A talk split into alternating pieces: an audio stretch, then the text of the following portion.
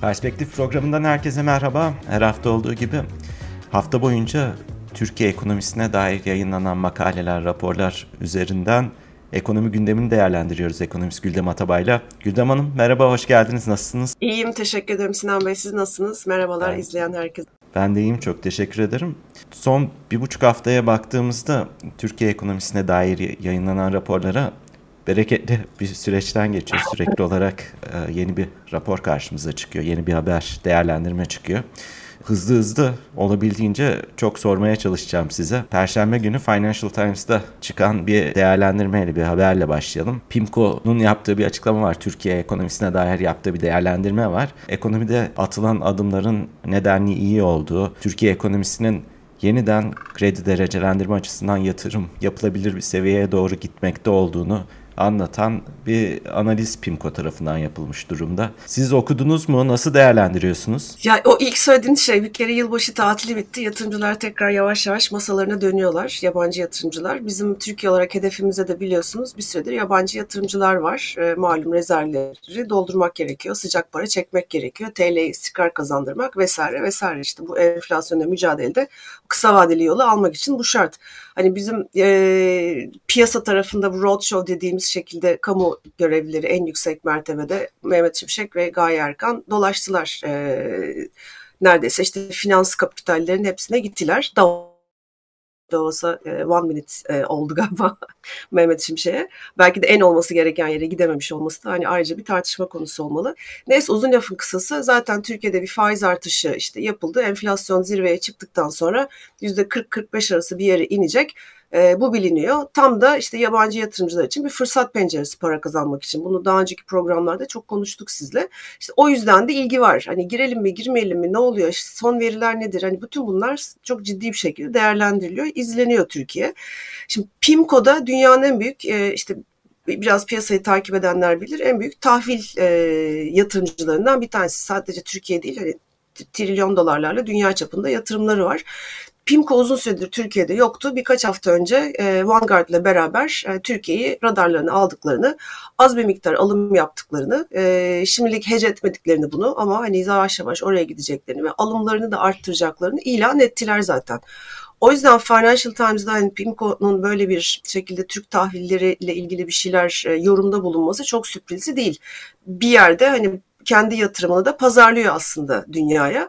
Ama aşırı bir pazarlama olmuş. Bence biraz aşırıya kaçmış.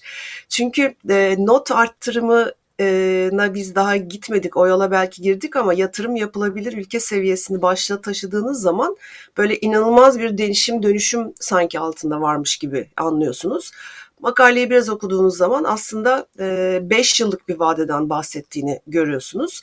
E, fakat o 5 yıllık vadeye hadi girmeyelim. Daha kısa vadede işte rezervler arttı, işte mali disiplin sağlandı. Bu e, bir önceki dönemin irrasyonel politikalarından geri dönüş çok hızlı bunlar kalıcı gibi bir takım çok iyimser varsayımlar var.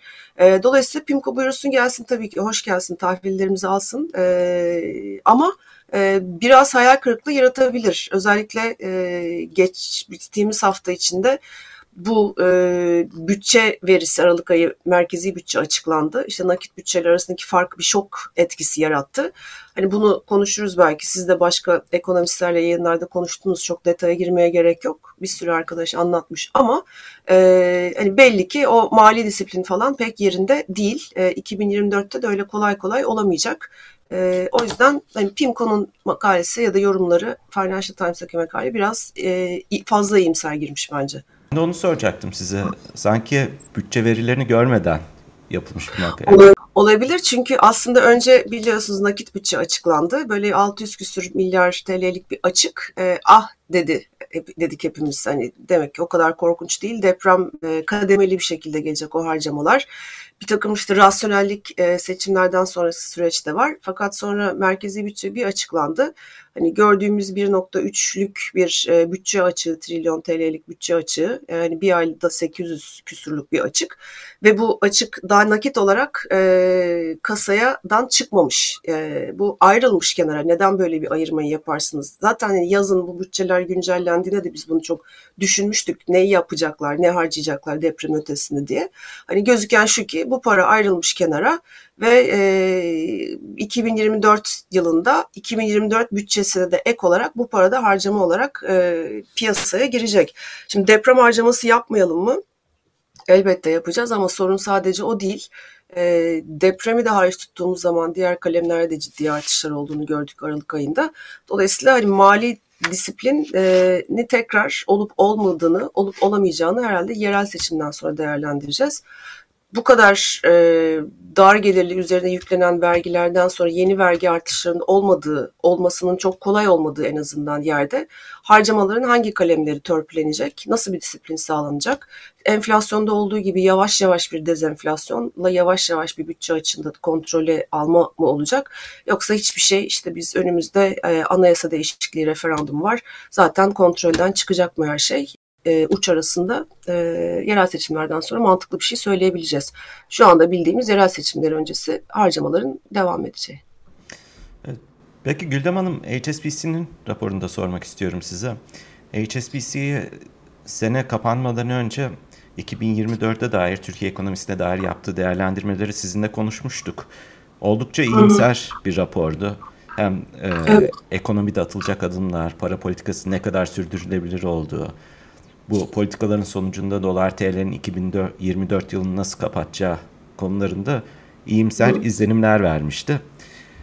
Birkaç hafta geçti. HSBC yeni bir rapor yayınladı. Sanki bu rapor daha kuşkucu, daha emin olmayan, daha sorgulayan bir rapor değil mi? Evet, kesinlikle. Yazarlarını hatırlamıyorum. Bu Melis Metiner Hanım bu en son yazan e, ekonomist arkadaşımız. E, Türkiye Chartbook diye yazmış. Bana da e, sanki başka bir isimdi o bir öncekini yazan ama emin olamadım şimdi. Bu ikinci rapor biraz daha dengeli, ayakları yere basan bir şekilde geldi. Ayakları yere basan derken ne diyor burada e, rapor? Diyor ki e, 2024'te büyüme biraz daha yavaş olacak evet e, ve dezenflasyon yani enflasyondaki düşüş süreci e, biraz olacak diyor aslında. Hani evet enflasyon düşecek ama böyle hani baz etkisi ötesinde e, pek bir beklentisi yok. Hani o biraz daha o yüzden daha gerçekçi buluyorum. Riskler dediğiniz gibi erken bir faiz indirimi diyor. E, yani hükümet aslında şunu söylüyor. Hükümet henüz ve hala yumuşak bir ekonomik inişi e, hani enflasyonu düşürmektense büyümeyi yine kontrollü gitmeyi tercih ediyor diyor.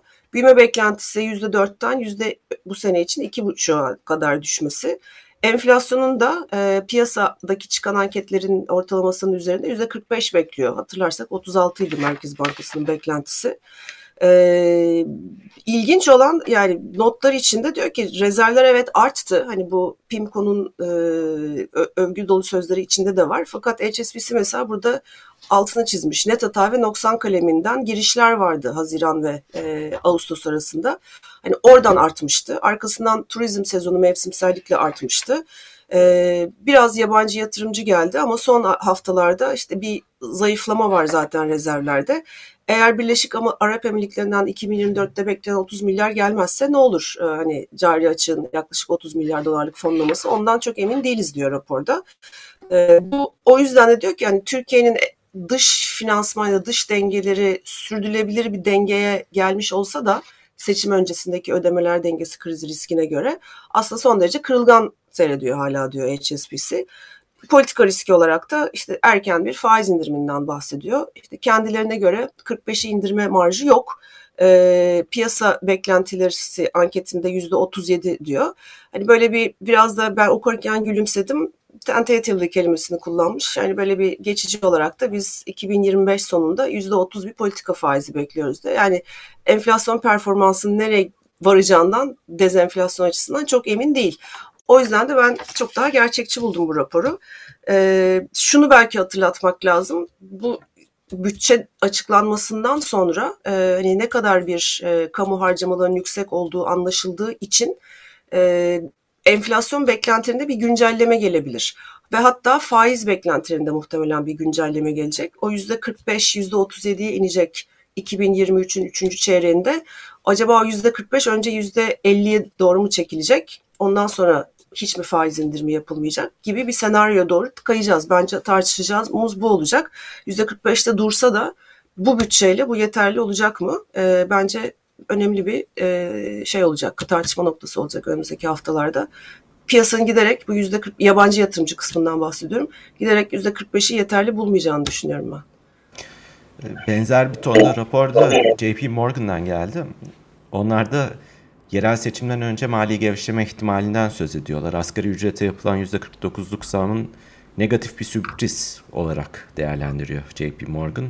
Ee, seçim öncesindeki süreci takip ediyor ve gevşeme yönünde başka adımlar atılırsa enflasyon umudu e, enflasyonun düşme umudunun erteleneceğinden söz ediyor. Siz bu raporu nasıl değerlendirdiniz? Ee, yani JP Morgan'ı da aslında bir durum tespiti yapıyor. Hani şeyle başlamış.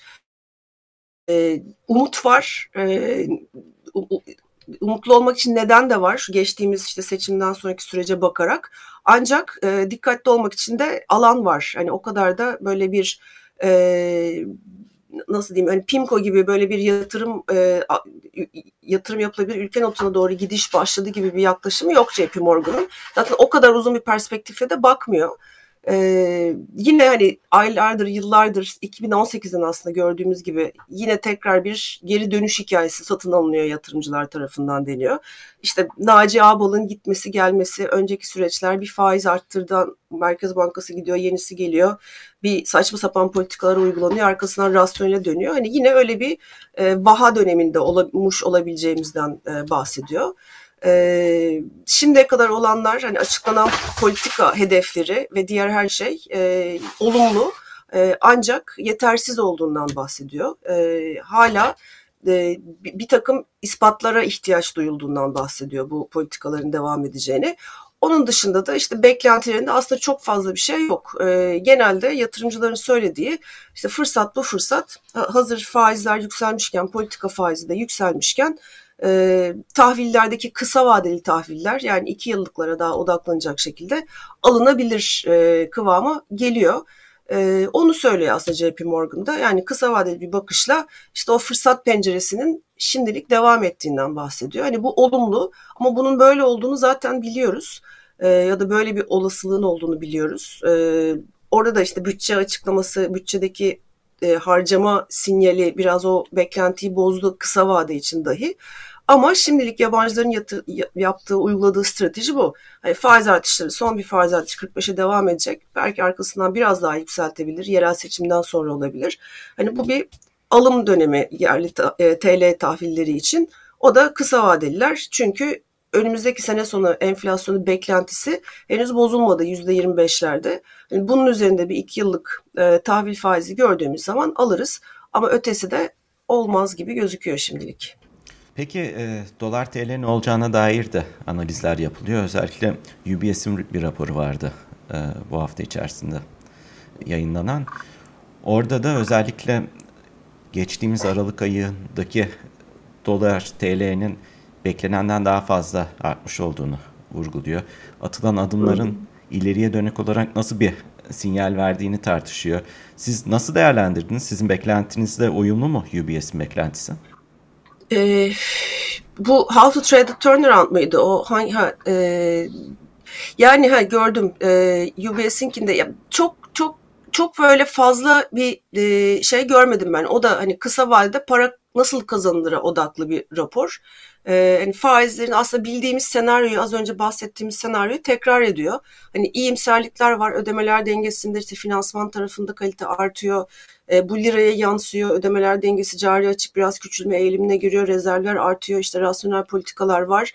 E, orta vadeli riskler e, hani dolar TL shortlayıp tekrar hani burada girmeye olumlu e, hale dönmüş durumda diyor. E, o aynı şeyi söylüyor. İşte bundan sonra reel kurun çok fazla değer kaybetmeyeceğini düşünüyoruz diyor. Böyle çok da fazla e, bir hedef sayı vermeden 40-45 e, arasında sene sonu biter diyor. Yani evet biliyoruz 40-45'e kadar baz etkisiyle inecek ama hani 45 mi 40 mı artık önemli hale gelmeye başladı. E, çekirdek enflasyon %70'lerde olduğundan hani bahsetmiyor kimse bu arada. Dolayısıyla hani o da diyor ki kısa vadede yine işte TL tahvilleri e, alın. E, özellikle 2025-24 ne diyor? İşte yüzde 45-46 faiz zirve yapacak. Yuvarlak şeyler kullanmış. 45-46 zirve yapacak. İşte anlamlı beklenti aralığı faiz indirimi için 3 çeyrek 24 diyor. E, biz de sene sonu 30 bekliyoruz e, politika faizin diyor. Hani gerçekten 9'a iner mi? Ben şaşırırım inerse hani o kadar. Bir taraftan işte az önce konuştuğumuz raporlarda inmemeli diyor HSBC. Ben ona katılıyorum. Hatta bence faiz artışı gerektiğini konuşuyor olacağız. Yani hani böyle bir PIMCO gibi bu vadeli tahvilden para kazanmak için zemin hazır girebilirsiniz diyor ama riskler biraz daha bence artık ön plana çıkıyor. Hele bugün e, ki basında işte Merkez Bankası'nın içinde nasıl e, doğrudur yanlıştır bilmiyorum. E, ama Merkez Bankası Başkanımızın babasının varlığından bahsediliyor. E, bu daha önce Ahmet Hakan'a verdiği röportajda da bir elemanın işten çıkarılması. Ya bunun doğru olmadığını umuyorum. E, doğru olmasa bile bu tartışmaların zemin bulması çok acayip. Yani o zaman bir Naci Ağbal gibi hani kime çektiniz bir operasyonu gibi bir operasyon mu hazırlanıyor Gaye Hanım'a? Yoksa böyle bir durum mu var? O zaman hani Merkez Bankası tartışmaları eklenecek şimdi bu resme. Yani biraz sıkıntılı bir sürece sanki girmiş gibiyiz. Yerel seçim geri sayımındaki artmasını beklediğimiz kamu harcamaları eşliğinde. Evet, bütün bunları takip etmeye devam edeceğiz. Ben size son olarak bir de dünyayı sormak istiyorum. Çünkü e, çok kısa sorayım. Önümüzdeki programlarda daha e, detaylı olarak bütün başlıkları değerlendiririz. E, çok fazla gelişme var dünya tarafında da çünkü. Şöyle sorayım.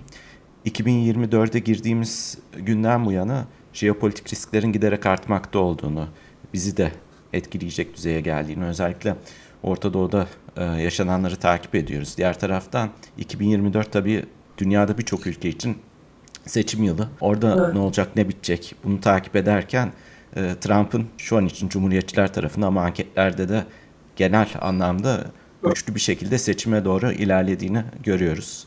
E, böyle bir durum var. Diğer taraftan Amerika'da piyasaların 2023 sonundaki heyecanı beklentilerini biraz aşağı çeken bir enflasyon verisiyle karşılaştık. Şimdi dünyada böyle bir ortam var. Goldman Sachs tarafından yapılan bir yatırımcı anketi vardı bu hafta. Orada bu yıl için en önemli riskler nedir diye sorulmuş. Ankete katılanların %54'ü jeopolitik riskler diyor. %17'si ABD seçimleri diyor. %15'i enflasyon diyor. %14'ü de resesyon diyor. 2024 daha detaylı dediğim gibi değerlendiririz ama ilk etapta başlangıç emareleri olarak siz nasıl görüyorsunuz, ne bekliyorsunuz?